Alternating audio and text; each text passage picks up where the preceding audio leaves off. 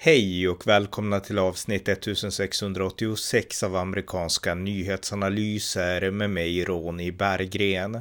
En konservativ podcast som ni gärna får stödja på swishnummer 070-30 28 95 0. Den 8 november håller USA sina mellanårsval 2022. Här följer en fortsättning på den presentation av valen som jag gav i poddavsnitt 1666 den 23 september. I det här avsnittet berättar jag det mesta som ni behöver veta för att hålla igång intresset för det uppkommande amerikanska mellanårsvalet. Varmt välkomna!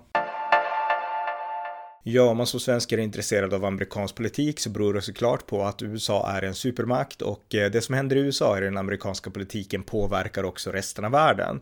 Så att det är en god anledning till att följa med i amerikansk politik. Men jag tror ändå att det som verkligen fascinerar svenska eh, följare av amerikansk politik. Det är inte primärt det, utan det är det faktum att det är sånt enormt drag i amerikansk politik. Eh, energin, livet, eh, hängivenheten, alltså det här draget som man har i USA har man inte i någon annanstans i världen, inte ens i Sverige.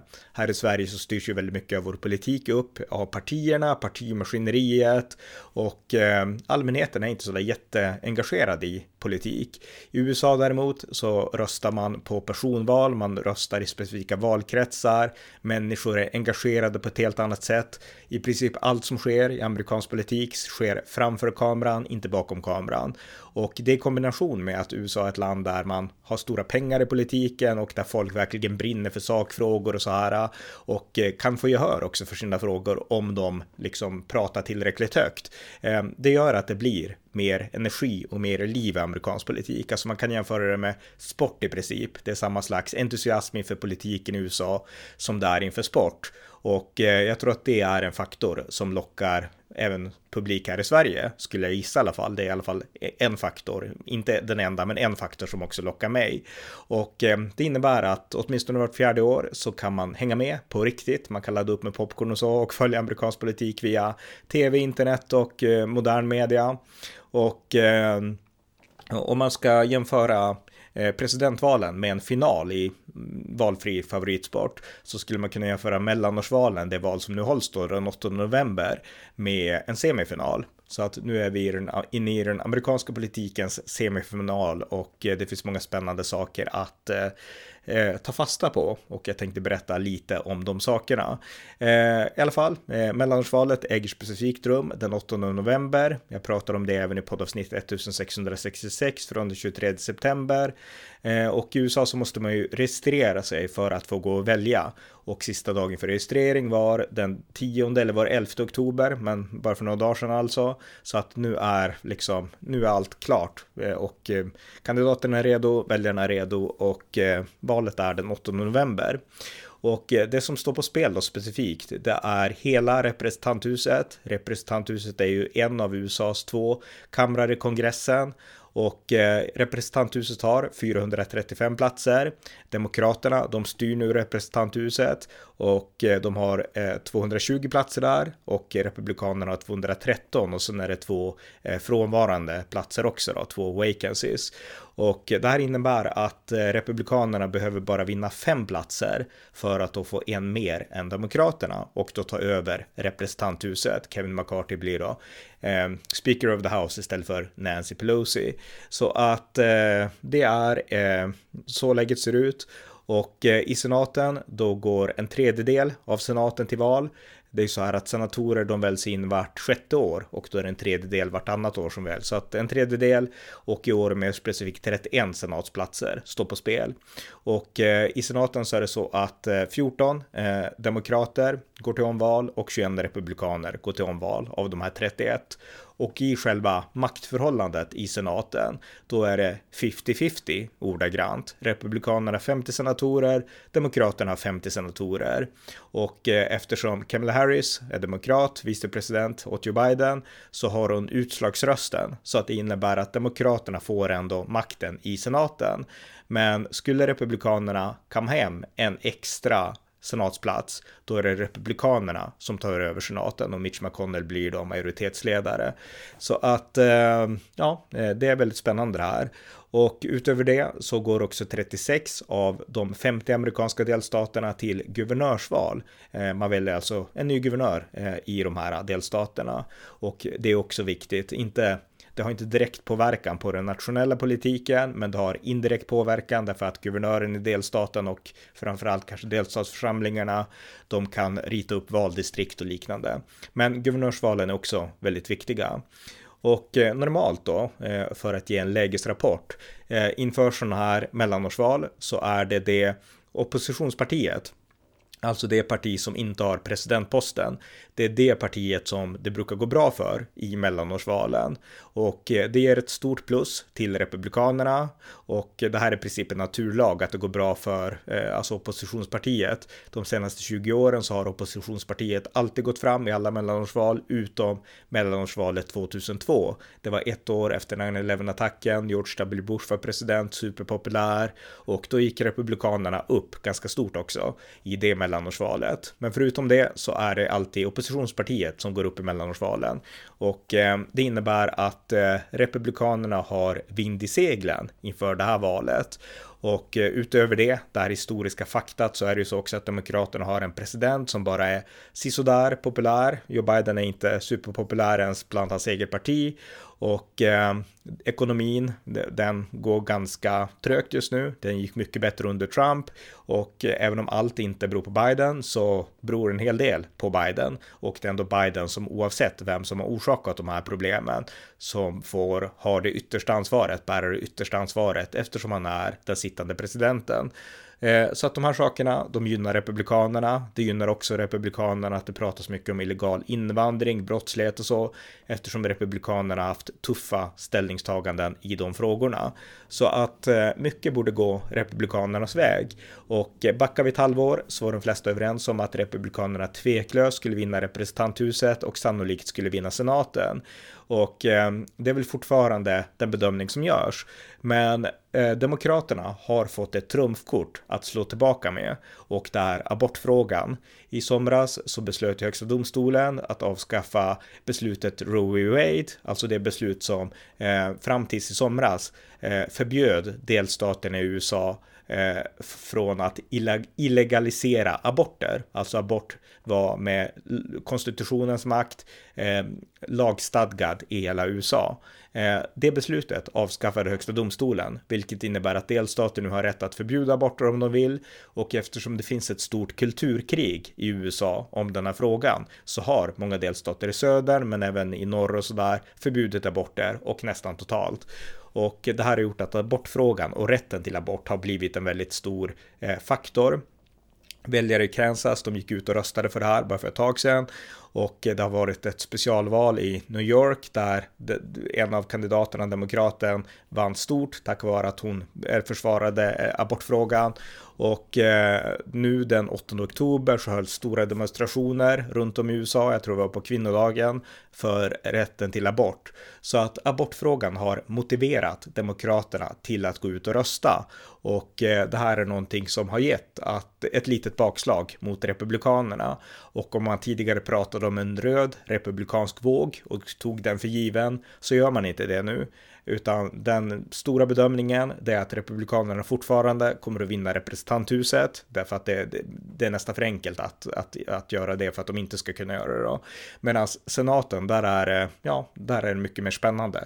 Så att där har faktiskt Demokraterna en chans att fortfarande hålla kvar en av kamrarna, senaten. Så att Eh, Eh, så ser läget ut. Och eh, som sagt, frågor som gynnar Demokraterna, det är frågor som aborter, sjukvård, klimatet, frågor som gynnar Republikanerna, det är saker som inflationen, skatter, jobb och liknande. Så att eh, det är väldigt jämnt och det gör det här valet väldigt spännande.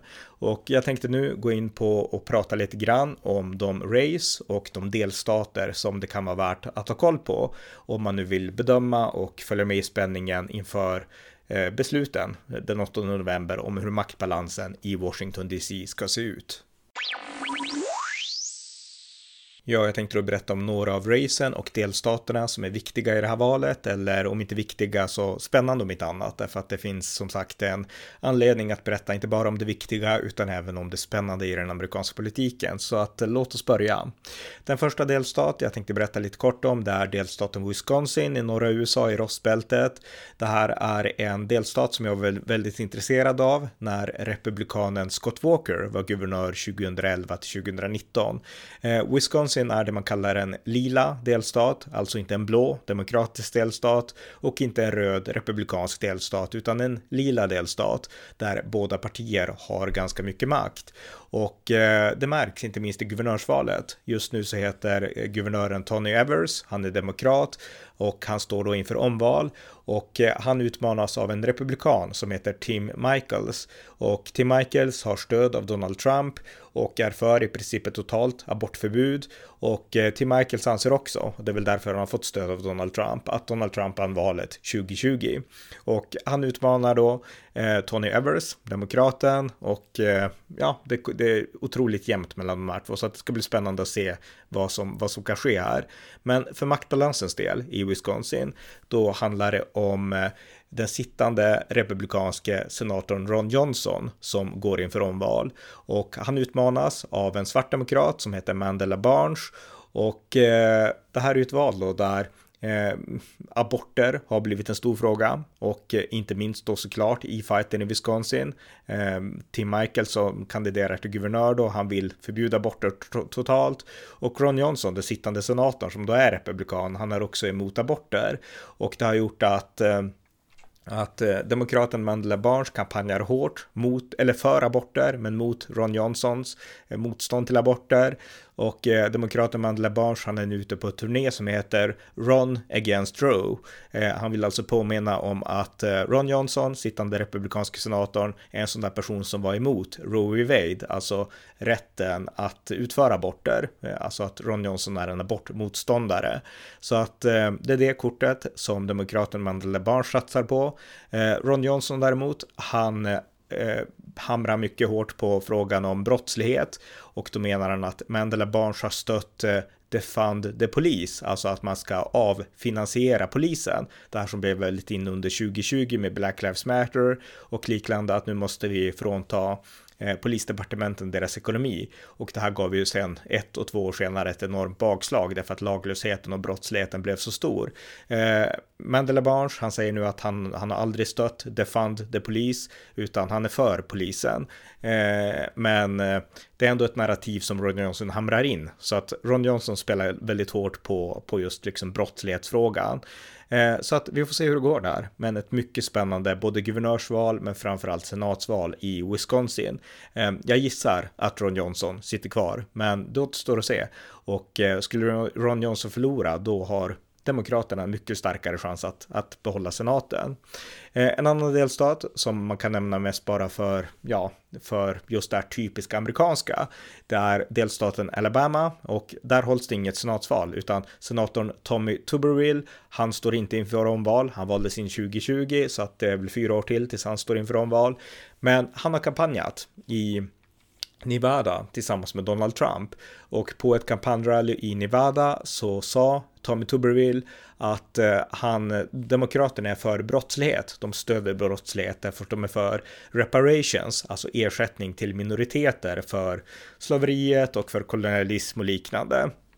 Och han sa då att eh, den här ersättningen den går ju till brottslingar och eh, det innebär om man ska liksom tolka det att han säger i praktiken att minoriteter är brottslingar, svarta och andra minoriteter är, det är brottslingar. Det är ungefär det som man indirekt kan tolka att han säger. Och det är exakt den tolkningen som har gjorts. Eh, CNN har skrivit om det här och det står om det här överallt att det här är den djupaste formen av rasism. Och eh, vi kan spela det klippet med Tommy Tuberville från Alabama.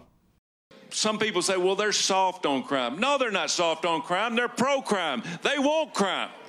They want crime because they want to take over what you got. They want to control what you have. They want reparation because they think the people that do the crime are owed that. Bullshit. They are not owed that. Det var Tommy Tuberville från Alabama och det här har fått många rubriker. Eh, men som sagt, det här påverkar inte Tommy Tuberville nämnvärt mycket. Eh, därför att han står inte inför omval i år. Men däremot så ger det ju argument till det här narrativet som demokrater och eh, media som är allierade med demokraterna vill förmedla. Nämligen att republikanerna är ett rasistiskt parti med massa extremister som, som leker med rasism och Tommy Tuberville, han blir ju ett slags exempel på det oavsett hur sant eller inte sant det är och jag skulle säga att det är mer inte sant än sant. Men eh, det här blir såklart ett argument som man använder då mot republikanerna i dess helhet. Så att det var en liten avstickare till Alabama och Tommy Tuberville där. Eh, där det pågår riktiga val som är väldigt viktiga, det är i delstaten Arizona och där dels ett mycket spännande senatsval mellan den sittande demokratiske senatorn Mark Kelly, han är astronaut bland annat, som står mot republikanen Blake Masters eh, som är dels finansieras han av miljardären Peter Thiel och dels så stöds han av Donald Trump och eh, Blake Masters han eh, är också inne på Trumps linje om att det var valfusk som gjorde att Joe Biden vann och eh, liknande och han har också haft en hård linje om aborter. Men nu är det ju så här som jag var inne på att Eh, Eh, högsta domstolens beslut att tillåta illegalisering av aborter. Det har skapat en motreaktion och det har gett demokraterna väldigt mycket vind i seglen. Och om man på populistiska grunder kunde vinna på att vara emot aborter, låter jättekonstigt här i Sverige, men det var ändå så i USA, så kan man inte det på samma sätt längre. Och det innebär att de som verkligen är emot aborter, de gör, är det antingen av djupa ideologiska anledningar nu, eller så är de det därför att de fortfarande bor i distrikt distrikt i södern där de flesta ändå är, eller kan vara emot aborter. Eh, riktigt så är det inte i Arizona, utan många stöder rätten till abort och eh, Blake Masters som tidigare ehm, stödde, eh, alltså var emot aborter totalt. Han har nu suddat ut en del av sin syn på aborter från sin kampanjhemsida. Så att Blake Masters, republikaner, han tonar nu ner sitt tidigare tydliga abortmotstånd och eh, hoppas på att han då ska kunna besegra den sittande demokratiska senatorn Mark Kelly. Och jag gillar Mark Kelly ska sägas. Det är en person jag har stor respekt för. Jag har följt honom i väldigt lång tid. Han är gift med Gabriel Giffords som var skjuten 2000, vilket år det nu var, 13 kanske, eller var det 11, jag minns inte. Men, eller var det tidigare? jag har glömt. Men han är i alla fall gift med en före detta kongresskvinna som var skjuten på ett kampanjevent och sen dess har jag hängt med i hans liksom ja, liv och sådär och han är astronaut, rätt cool så att jag gillar honom, Mark Kelly, demokrat och han är också hyfsat moderat så att han är liksom, han är bra på många sätt. Blake Masters har jag inte så mycket, ja, mycket koll på egentligen, mer än att, eh, ja, han, han är på Trumps sida i nästan för mycket kan man säga.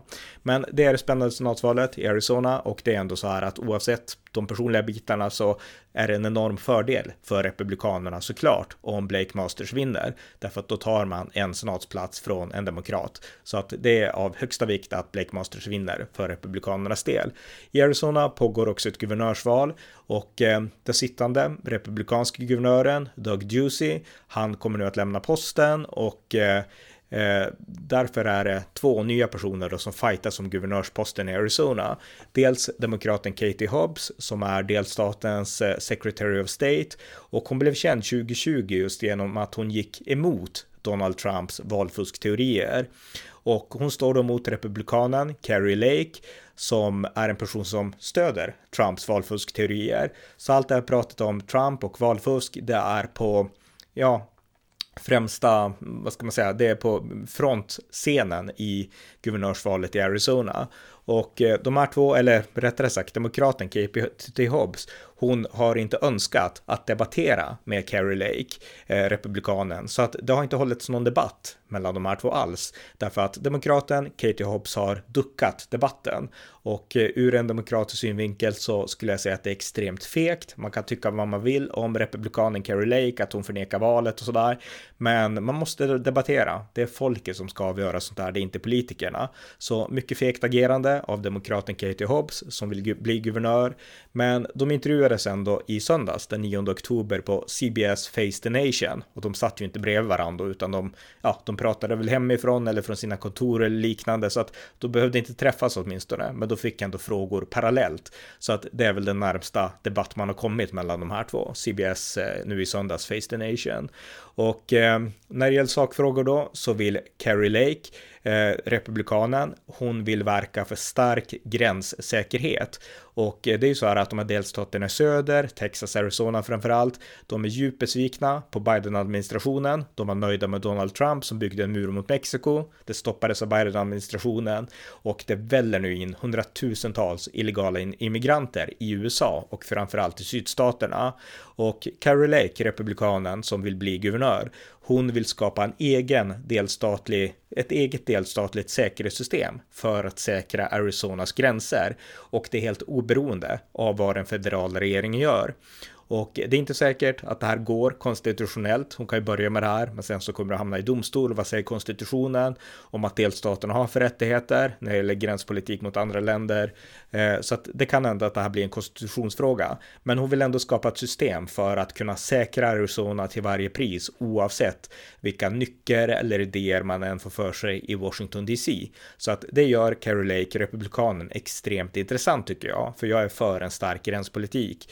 Och eh, hon betonar också att hon har stöd av Donald Trump, alltså personen som ändå byggde den mur som hon också skulle ha önskat då. Och på Carrie Lakes eh, kampanjskyltar så står det Carrie Lake for Governor endorsed by Donald Trump, by President Trump står det med stor text. Så att eh, vi får se hur det går där i guvernörsvalet i Arizona. Läget nu i opinionen är 49% mot 49%, alltså extremt jämnt. Det kan bli demokraten Katie Hobbs, men det kan också bli republikanen Carrie Lake. Så det är lite kort från Arizona.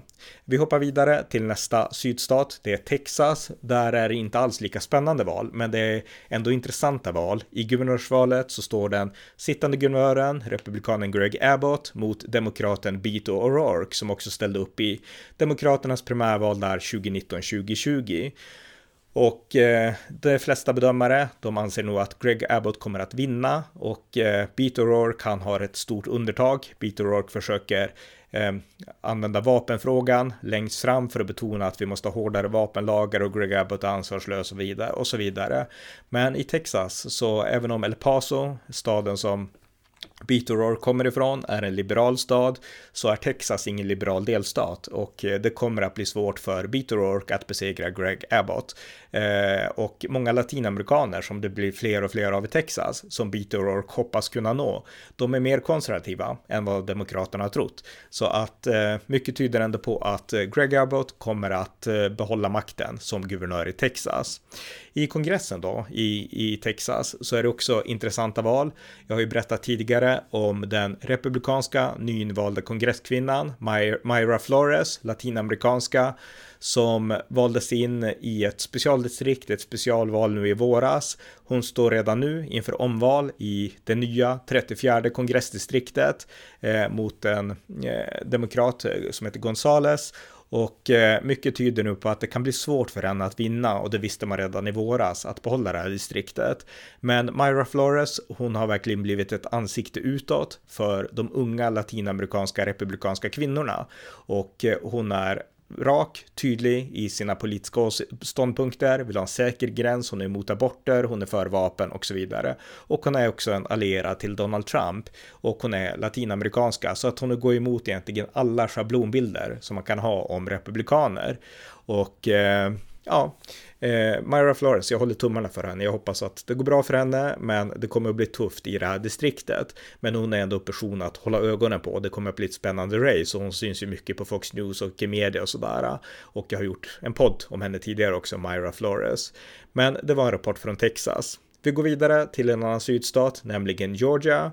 Och där är det så här att den sittande republikanen, eh, republikanske guvernören ska jag säga, Brian Kemp, han står inför omval mot den svarta demokratiska kvinnan Stacey Abrams. Och eh, jag gjorde ju en podd om det här eh, för en vecka sedan ungefär, om Brian Kemp. Och det som gör Brian Kemp unik, det är att han har gått emot valfuskteorier. Och då dels Donald Trumps valfuskteorier 2020, men även Stacey Abrams valfuskteorier 2018. Så att han har blivit anklagad för valfusk av både Donald Trump och av demokraten Stacey Abrams och han har stått pall alla gånger. Och det har gett Brian Kemp en ganska stark hjältestatus i det republikanska partiet. Time Magazine hade nu en mycket läsvärd artikel om honom häromdagen och eh, han framstår som en guvernör med integritet och det är inte bara han utan det är andra i den republikanska ledningen i Georgia också som har visat det. Som är helt emot de här som anklagar delstaten för valfusk oavsett om det är demokraten Stacey Abram eller Rob Donald Trump. Eh, samtidigt har delstaten också infört lagar för att stärka valsäkerheten ytterligare, vilket demokraterna menar är rasism. Det är liksom Stacey Abrams argument och eh, Brian Kemp har alltid stått på sig. Han har aldrig backat egentligen. Så att han står inför omval och eh, mycket tyder på, han besegrade också en Trump-kandidat i primärvalet ska sägas i våras. Så att Trump som har försökt fälla honom har inte lyckats. Stacey Abrams som försökte fälla honom redan 2018, hon försöker nu igen. Men mycket tyder på att hon kommer inte lyckas, utan Brian Kemp kommer att bestå. Och det kommer att innebära att Brian Kemp kommer att vara en av de absolut starkaste republikanska rösterna i USA, som inte har svepts iväg av Trump-flodvågen, om man säger så. Han är inte en del av MAGA-rörelsen eller Trump-rörelsen, men ändå en otroligt stark republikan. Brian Kemp, guvernör i Georgia. Eh, I senaten i Georgia så händer också väldigt spännande saker. Där har en Trump-republikan vunnit den republikanska nomineringen som senatskandidat och det är den tidigare idrottsstjärnan, en svart man, Herschel Walker och han utmanar då den sittande demokratiska senatorn Raphael Warnock som kom in i ett fyllnadsval för två år sedan ska sägas. Och eh, aborter har blivit en fråga i Georgia också. Eh, Herschel Walker, republikanen, han är emot aborter. Eh, Raphael Warnock, demokraten, han är för rätten till abort. Och eh, de har nu, de ska hålla sin första debatt nu på fredag ska sägas, alltså, alltså imorgon. Eh, men ehm, det har blivit problem för republikanen Herschel Walker därför att han har anklagats av en tidigare flickvän för att ha tvingat henne att göra abort för eh, ja, typ 12 år sedan. Och det här är någonting som Herschel Walker förnekar. Men det har blivit mycket omskrivet och det kastas fram olika argument hit och dit och han har nu sagt, förut sa han att han kände inte flickan, den här kvinnan, men nu säger han att jo, men jag kände henne, men, men, men, det, men det är lögn ungefär. Så att be, vi vet inte bevisligen än vad som är sant, men eh, ja, om det skulle vara sant så skadar det såklart honom i hans politiska profil. Eh, republikanerna däremot, de har backat upp Herschel Walker och tunga republikanska senatorer som Rick Scott, Tom Cotton och andra, de har kampanjat för Herschel Walker i Florida och sagt att det här är bara Demokraternas sätt att försöka distrahera, det handlar om sakpolitik, säger de. Och de gör det därför att det är så viktigt att eh, Republikanerna vinner senatsplatsen i Georgia. För gör Republikanerna det, om Herschel Walker gör det, då är ju sannolikheten mycket, mycket större att man kan ta över senaten från Demokraterna. Och det här är också ett väldigt spännande val. Det är enligt den senaste opinionsundersökning som jag har läst, som gjordes av The Hill, så leder Raphael Warnock, demokraten, med 48 procent mot 46 procent för Herschel Walker, republikanen. Så att väldigt spännande. Och skulle det vara så att ingen av de här får mer än 50 procent på vallagen den 8 november, då blir det en runoff i december. Så att det gäller också för att det verkligen ska avgöras på valdagen att någon av kandidaterna får 50 procent och just nu har ingen av de här två det i opinionen. Så mycket spännande senatsval i Georgia. Nästa delstat vi kan nämna lite kort, det är North Carolina. Där är det också en Trump-kandidat som heter eh, Ted Budd som ställer upp Eh, till senaten. Han har tidigare varit kongressman och ställer upp till, till senaten och han har stöd av Donald Trump och han står mot den svarta demokratiska kvinnan Sherry Beasley. Och eh, Ted Budd eh, är ju en republikan som Eh, ja, som har många andra eh, republikanska företrädare bakom sig som har varit moderata, men han själv, han är mycket mer på Trump-sidan. Så här har Trump en möjlighet att få in en riktig Trump-senator i senaten, Ted Budd, om han skulle vinna. Så att eh, vi får se. Eh, republikanerna de har vunnit alla senatsval i North Carolina sedan 2008, så chansen är ganska god. Men Demokraterna hoppas såklart ändå på Cherry Beasley. Men det var bara lite kort om North Carolina. Ett mycket mer uppmärksammat val, det är eh, senatsvalet i Pennsylvania. Där är det så att den republikanske senatorn Pat Toomey, han som är republikan då, han går i pension Och eh, det är två nya eh, kandidater som kämpar då om senatsplatsen i Pennsylvania. Och det är dels republikanen Dr. Meshmet Oz, som också är en före detta talkshow-värd och det är demokraten John Fetterman som är biträdande guvernör i Pennsylvania. Och eh, det har blivit mycket media av det här. Eh, Mehmet Oz, han är en Trump-republikan utan tvekan, gör ganska kraftfulla utspel och sådär. Och John Fetterman, han är en ganska typisk demokrat, fast inte helt vanlig demokrat heller. Men det har uppstått mycket politik mellan de här två personligheterna. Eh, Fetterman anklagas för att ha varit emot fracking, alltså när man vinner naturgas och olja och sånt från bergstoppar. Eh, och han menar att det har inte alls varit, men eh, eh, Mehmet Oz menar att det har det visst varit och sådär. Och eh, läget är väldigt jämnt. Det är 46% för Fetterman och eh, 40% för oss. Och det här är ändå trots att Fetterman leder en upphämtning för, eh, för oss. Därför att eh, han, han har tidigare legat mycket längre bakom Fetterman. Så att det blir väldigt spännande i Pennsylvania. Men återigen, det här är en republikansk senator som lämnar Pat Toomey. Och det innebär att eh, det är ändå republikanerna som måste försvara sin senatsplats där. Så på så vis så ligger det ju oss till last, Meshmet oss till last, att han, äh, last, att han ligger bakom Fetterman. Men ett spännande senatsval där i, i, i Pennsylvania och eh, ja, det är viktigt för Republikanerna att de behåller platsen då med en ny kandidat, Meshmet Oz. Vi går vidare till delstaten Ohio. Och eh, i delstaten Ohio så är det också en person som går, eller en sittande senator som går i pension, nämligen den republikanske senatorn Rob Portman. Eh, och eh, även där två nya kandidater då som kämpar om senatsplatsen. Och det är dels demokraten Tim Ryan som har suttit i representanthuset sedan 2003 och som även ställde upp i Demokraternas primärval där 2019.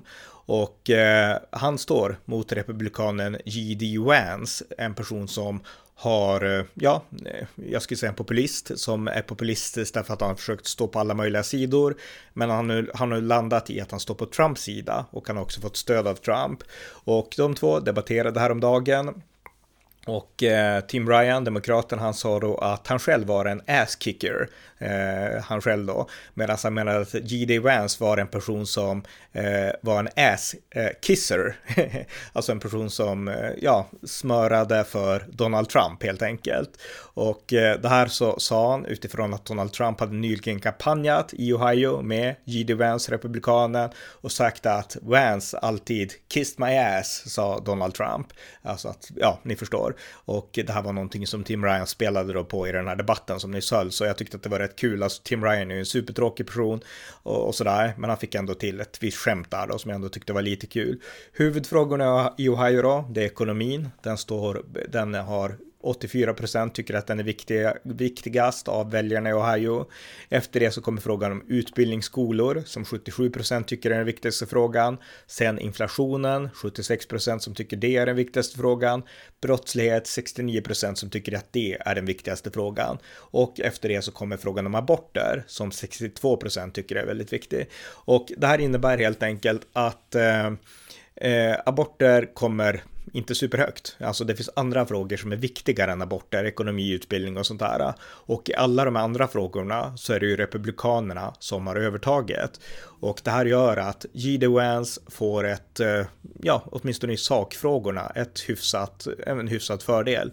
Men eh, det återstår att se vad som händer. Mest troligt så vinner J.D. Vance, men Tim Ryan, han satsar även han på att betona aborter och, och liknande. Så vi får se hur det går i Ohio. Men två ganska, ja, ett spännande race med två åtminstone halvintressanta kandidater. Eh, nästa delstat vi kan berätta om det är delstaten Nevada. Där så är det den sittande demokratiske senatorn Catherine Mary Cortez Masto som utmanas av republikanen Adam Laxalt. Och eh, republikanerna de bedömer att Nevada är den delstat där man har störst chans att ta en senatsplats och på så vis eh, få greppet om, om eh, senaten. Och den här senatsplatsen då som nu besitts av Catherine Mary Cortez Matsu eh, den var, det är samma senatsplats som Harry Reid, den här tidigare eh, demokratiska minoritets och majoritetsledaren, han dog häromåret tror jag, Harry Reid. Han eh, hade den platsen i 30 år och eh, skulle Republikanerna vinna nu, om Adam Laxalt skulle vinna över eh, Catherine Cortis Masto, då skulle det vara historiskt för Republikanerna. Och eh, Republikanen Adam Laxalt, han betonar ekonomin och han säger att han kör Ronald Reagans argument och han säger till väljarna att om ni gillar hur ekonomin har gått, om ni gillar bensinpriserna som de är, så för all del, rösta på Demokraterna. Men om ni inte gillar det som händer, om ni inte tycker om den här utvecklingen, så då rösta på Republikanerna, säger Adam Laxalt. Eh, demokraten eh, Cortes Masto, hon kontrar med att säga att vi har verkligen gett hjälp till de som verkligen är utsatta. Eh, hon påminner om att eh, Nevada drabbades hårt under covid-industrin, turistindustrin, eh, covid-pandemin menar jag, turistindustrin, den eh, ja, tynade bort och inflationen är en av de högsta i landet i Nevada och Demokraterna har politiken för att verkligen hjälpa. Och hon påminner också om den, den, den demokratiska politiken i Washington DC då, Build Back Better och det Infrastructure Act och liknande som Demokraterna fått igenom. Så att eh, vi får se hur det går. Men enligt Real Clear Politics så leder republikanen Adam Laxalt med 45,8 procent mot 43,7 procent för Catherine Cortez Masto. Så att ett visst övertag för republikanerna här och det kan som sagt vara republikanernas bästa chans att vinna senaten om de vinner i Nevada. Så det var lite om Nevada. Eh, vi kan också nämna delstaten Florida, inte för att det är lika spännande där, men för att det ändå är intressanta race som pågår. Den sittande republikanska guvernören Ron DeSantis, han är väldigt populär och eh, han kommer med största sannolikhet att vinna. Men han utmanas av en före detta republikan som numera är demokrat, Eh, demokraten Charlie Crist. Och eh, vi får se hur det går, men jag gissar att Ron DeSantis vinner. Eh, en annan person som också är intressant där, det är senatorn Marco Rubio som står inför omval, republikan, och han står mot demokraten Val Demings, en svart kvinna. Och Marco Rubio, han leder med cirka 4% i opinionsmätningarna över demokraten och eh, min gissning är att Marco Rubio behåller sin plats. Ron DeSantis är ganska säker på att han gör det. Men eh, skulle Marco Rubio förlora, då skulle det vara en stor seger för Demokraterna såklart. Men eh, sannolikt så blir det ändå Republikanerna som behåller makten i Florida, både i guvernörsvalet och i det här senatsvalet. Så att det var några av delstaterna. Vi kan nämna några till också. Och det här är mer uppstickardelstater som kanske kan vara intressanta. Eh, I mitt förra poddavsnitt om mellanårsvalen så nämnde jag eh, senatsvalet i Utah och eh, vi kan påminna om det. Där är det den sittande republikanska senatorn Mike Lee som utmanas av en oberoende kandidat, Ivan McMullen.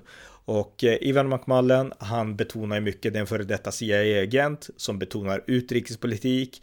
Han vill vara tuff mot Ryssland och liknande.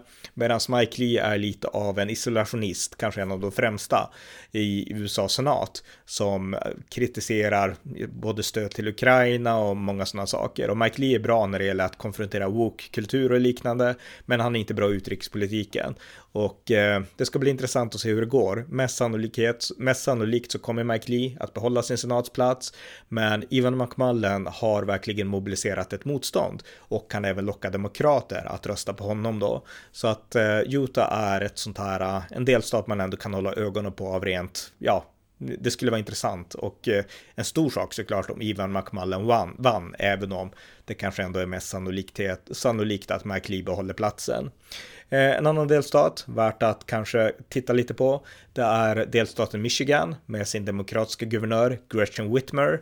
Hon gjorde ju de här drakoniska nedstängningarna av Michigan under coronan och nu har hon gjort abort till sin stora fråga, att man ska skydda rätten till aborter. Eh, hon utmanas nu av en republikansk Eh, konservativ kommentator, Tudor Dixon, som eh, vill ha ett nästan totalförbud mot aborter, även i fall av våldtäkt och incest. Och eh, abortfrågan har nu liksom hamnat högst upp i den här fighten. Och eh, jag har ingen statistik här, men jag skulle gissa att mest sannolikt så behåller Gretchen Whitmer sin plats då som guvernör i Michigan. Men vi får se. Så att det var några av de här eh, racen och delstaterna som kanske kan vara intressant att ha koll på. Och eh, det för oss över också till en annan sak som ändå måste tas i akt när man analyserar de här valen inför mellanårsvalet. Och det är Trump-faktorn i valen och det ska jag prata lite om nu. Ja, som allt annat i amerikansk politik numera så måste man också ta in Trump-faktorn och det finns en Trump-faktor även i det här mellanårsvalet. Dels så har vi Donald Trumps beslut om han ska ställa upp i presidentvalet 2024 eller inte. Eh, det är inte omöjligt att han gör det. Det kanske till och med är väldigt troligt. Han har sagt att han bestämt sig, men att han inte får berätta det offentligt än på grund av olika valprocedurer. Så att ja, lutar jag åt att han kommer att ställa upp, men han kommer inte att pålysa det innan mellanårsvalen, utan efteråt då i så fall. Eh, Eh, men den frågan, den vilar såklart över valen. Men det som är än mer, eh, en direkt påverkan från Donald Trump, det var att väldigt många Trump-kandidater vann de republikanska primärvalen i våras, America First, republikaner som Trump kallar dem. Och eh, ett undantag här var såklart eh, Georgias republikanska guvernör Brian Kemp, som har visat att han kan stå upp för Trump, mot Trump och ändå överleva, i motsats till till exempel Adam Kinzinger och Lee Cheney Eh, så visade Brian Kemp att man kan överleva även i en fight med Donald Trump. Men väldigt många har inte överlevt fighten med Donald Trump eller mer konkret med Trumps kandidater och det var väldigt många eh, ja, mm, liksom antingen anti-Trump eller de som var lite mer neutrala som rök i primärvalen i våras.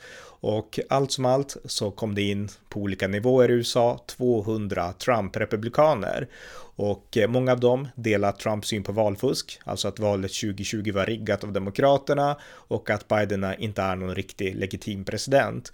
Och eh, det här innebär en, ja, jag skulle säga att det innebär en fördumning av det republikanska partiet. Jag pratade om det tidigare och det påminner lite grann om det som hände i Tea Party-vågen 2010-2012, eh, där republikanerna också fick in ja, de som var ideologiskt liksom trofasta mot de här nya principerna, Tea Party-principerna om att begränsa statsskulden och så vidare och, eh, men som ändå inte kunde reflektera eller tänka bredare. Eh, Republikanerna fick in ganska många sådana i Tea Party-vågorna eh, och många av dem vann primärvalen då, men sen förlorade de de allmänna valen mot Demokraterna. Och eh, risken finns att samma sak händer nu med de här Trump-republikanerna som har fått makt överallt. Många av dem har inte politisk bakgrund, många av dem är väldigt populistiska och väldigt politiskt ytliga. Även om de har sakfrågor som även jag i många avseenden håller med om, så är de inte djupa, liksom skickliga, tunga, tunga politiker. Och eh, det innebär att eh, allmänheten kommer kanske i viss mån att se det nu i de här allmänna valen och föredra mm, ja, politiker som de bedömer vara mer chansade än de här Trump-republikanerna. Den risken finns och eh, några av de här riskfaktorerna som jag skulle ändå säga, det är ändå Herschel Walker i Georgia. Han är poppis såklart, men han är inte liksom proffspolitikern. Och eh, ja, vi, vi, får se hur det går. Han borde, han kommer från Georgia, han borde kunna besegra Raphael Warnock som egentligen bara vann för att Trump ställde till så mycket där för två år sedan när han liksom anklagade hela liksom Georgias system för att ha riggat valet för Joe Biden. Så att eh, det gav Demokraterna då en chans att knipa senatsplatserna, vilket de gjorde. Eh, Donald Trumps fel skulle jag säga. Så att Herschel Walker borde i, liksom i ett naturtillstånd ha goda chanser att besegra Raphael Warnock i Georgia, alltså att ge Republikanerna segern. Men Herschel Walker har trasslat in sig och han är en Trump-republikan och eh, vi får se. Det kan hända att allt i hans bagage inte är en fördel för Republikanerna. Likadant med Schmidt Doss i Pennsylvania. Han är en för detta talkshow-värd, ingen tung politiker och nu tror jag att han har ganska goda chanser där därför att motståndaren är ju en liksom apparatchik, alltså en typ politiker som inte, alltså ingen vill ha egentligen kan jag tycka. Carrie Lake, Arizona, hon är också alldeles för trumpistisk, även om hon har helt rätt i gränspolitiken. Eh, Tim Michels i Wisconsin, han är också, ja, en trumpist kan man säga då. Och i viss mån också J.D. Van Vance i Ohio. Så att de här eh, Trump-kandidaterna, de finns. Och kommer de att gynna republikaner eller inte, det återstår att se. Men de är i alla fall tecken på att det finns en tydlig Trump-faktor i det här valet. Om vi då kommer in på de två partiernas strategi för att då vinna de här valen. Eh, om vi börjar med Republikanerna, deras övergripande strategi, det är att betona inflationen och ekonomin och att Republikanerna vill få ekonomin att fungera igen. Det är Republikanernas stora fokus i det här valet. Och eh, Republikanerna hoppas också att kunna bryta in hos latinamerikaner. Jag nämnde Myra Flores tidigare, men det finns många fler latinamerikaner. Och latinamerikaner som grupp som historiskt har stött Demokraterna, deras stöd för Republikanerna ökar nu väldigt snabbt. Och eh, nu är stödet för eh, för Republikanerna 33 procent av det latinamerikanska communityt medan 54 procent stöder Demokraterna. Och det här är ändå en fördubbling av det republikanska stödet på bara tio års tid hos latinamerikaner. Och eh, bland annat abortfrågan skrämmer bort latinamerikanerna från att stödja demokraterna. Man pratar mycket om att aborter ligger nu republikanerna till last och det är sant i många avseenden. Men latinamerikaner, de är emot aborter, väldigt många. De är starka katoliker, konservativa kristna och eh, de gillar inte aborter och eh, därför så drar de sig nu för det demokratiska partiet och andra frågor också, ekonomiska frågor och liknande. Så att eh, det, det, det är intressant intressant att, att det går den vägen. Eh, så Republikanerna, de satsar såklart då mest på ekonomin, men de vill också nå in till latinos och de har också olika specifika sakfrågor som de trycker på så ofta de kan. Och en av de mest, mest specifika sakfrågorna, det är transgenders, alltså män framförallt då som har bytt kön till kvinnor och som fortfarande får eh, delta i damidrott eller som får delta i damidrott trots att de är biologiska män. Det är någonting som republikanerna har tryckt på ganska mycket. Eh, demokraterna duckar, de vill inte prata om det här för de förstår att det inte är en valvinnare. Joe Biden har lagt fram förslag om att man ska inte diskriminera transgenders, vilket i praktiken innebär att biologiska män ska kunna få duscha i flickors omklädningsrum och vara med i damidrott och liknande. Här har det uppstått en tydlig splittring mellan de två partierna, Republikanerna, de står upp för det de anser är grundläggande sunt förnuft. Biologiska män ska inte vara med i damidrott, medan Demokraterna står upp för det de tror är den senaste inne trenden när det gäller att vara tolerant, nämligen att vara tol tolerant mot transgenders. Och jag skulle säga att man ska vara det, men man kan inte förstöra damidrotten liksom. Så att jag är mycket mer på republikanernas sida här. Men, men det här är en fråga som uppstått och som republikanerna försöker trycka på, eh, men som demokraterna egentligen inte vill tala om. Eh, vilken effekt det kommer att på valet, det återstår att se, men det är en del av den republikanska taktiken i den övergripande strategin då att vinna. Och eh, ja, eh, en annan taktik som republikanerna också har det är såklart att försöka nå ut till kärnväljarna och få dem att gå och rösta och sådär. Och, eh, och så. Så att det är väl den övergripande strategin som, som Republikanerna har. Demokraternas strategi, det är att mobilisera kring abortfrågan. Och eh, det här är ju någonting som, det, det vart nästan en, alltså att högsta domstolen gjorde som de gjorde i somras, det vart ju till en fördel för Demokraterna. Så att de eh, försöker pusha den så mycket som möjligt, att de är partiet som försvarar rätten till abort och möjligheten att göra abort vart man än bor. Eh, de vill också pro promota eh, klimat eh, politiken, den här klimatdealen Biden fick igenom. De vill promota skuldavskrivning och liknande och försöka få kärnväljare, inte minst och unga, att rösta på partiet av, av de anledningarna. Och eh, sen vill man också, det här är också en del av deras taktik för att besegra republikanerna, att köra eh, ja, negativ kampanjande och utmåla republikanerna som farliga, konstiga och som extremister. Och den som har gjort det här tydligt, det är faktiskt president Joe Biden. Han har gått ut och varnat för MAGA Republicans, alltså Donald Trump republikaner Och vi kan spela det klippet. Här är Biden som för bara någon vecka sedan varnade för Trump-republikanerna. Donald Trump and the MAGA Republicans represent an extremism that threatens the very foundations of our republic. Now, I want to be very clear, very clear up front. not every Republican, not even the majority of Republicans are MAGA Republicans. Not every Republican embraces their extreme ideology.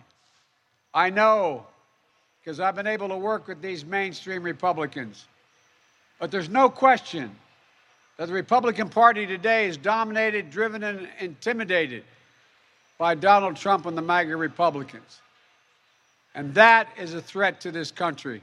Det var Joe Biden som varnade för Trump-republikanerna och det här visar ju en tydlig upptrappning i den politiska retoriken. I det här fallet mot republikanerna, eller i alla fall en del av republikanerna.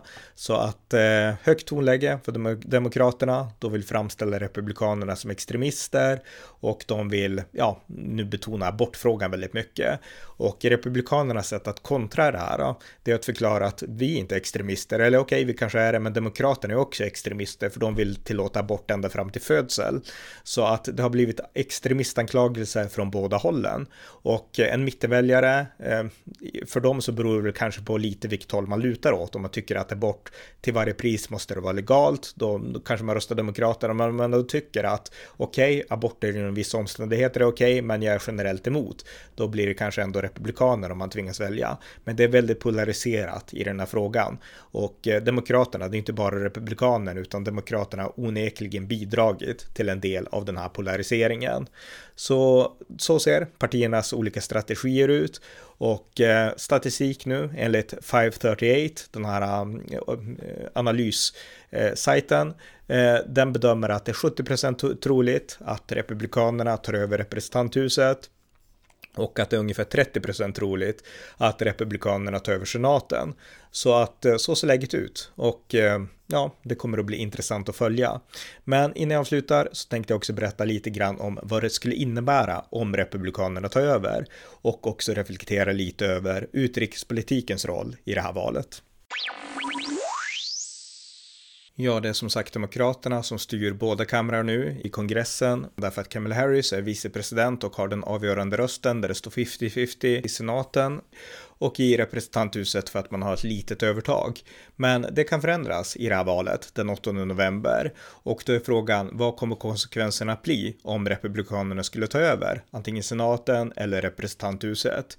Skulle republikanerna ta över senaten, då kommer det såklart att ge mindre makt till Kamala Harris och är man konservativ så är det alltid bra därför att Kamala Harris är en katastrof i alla avseenden och eh, en av USAs absolut sämsta vicepresidenter någonsin.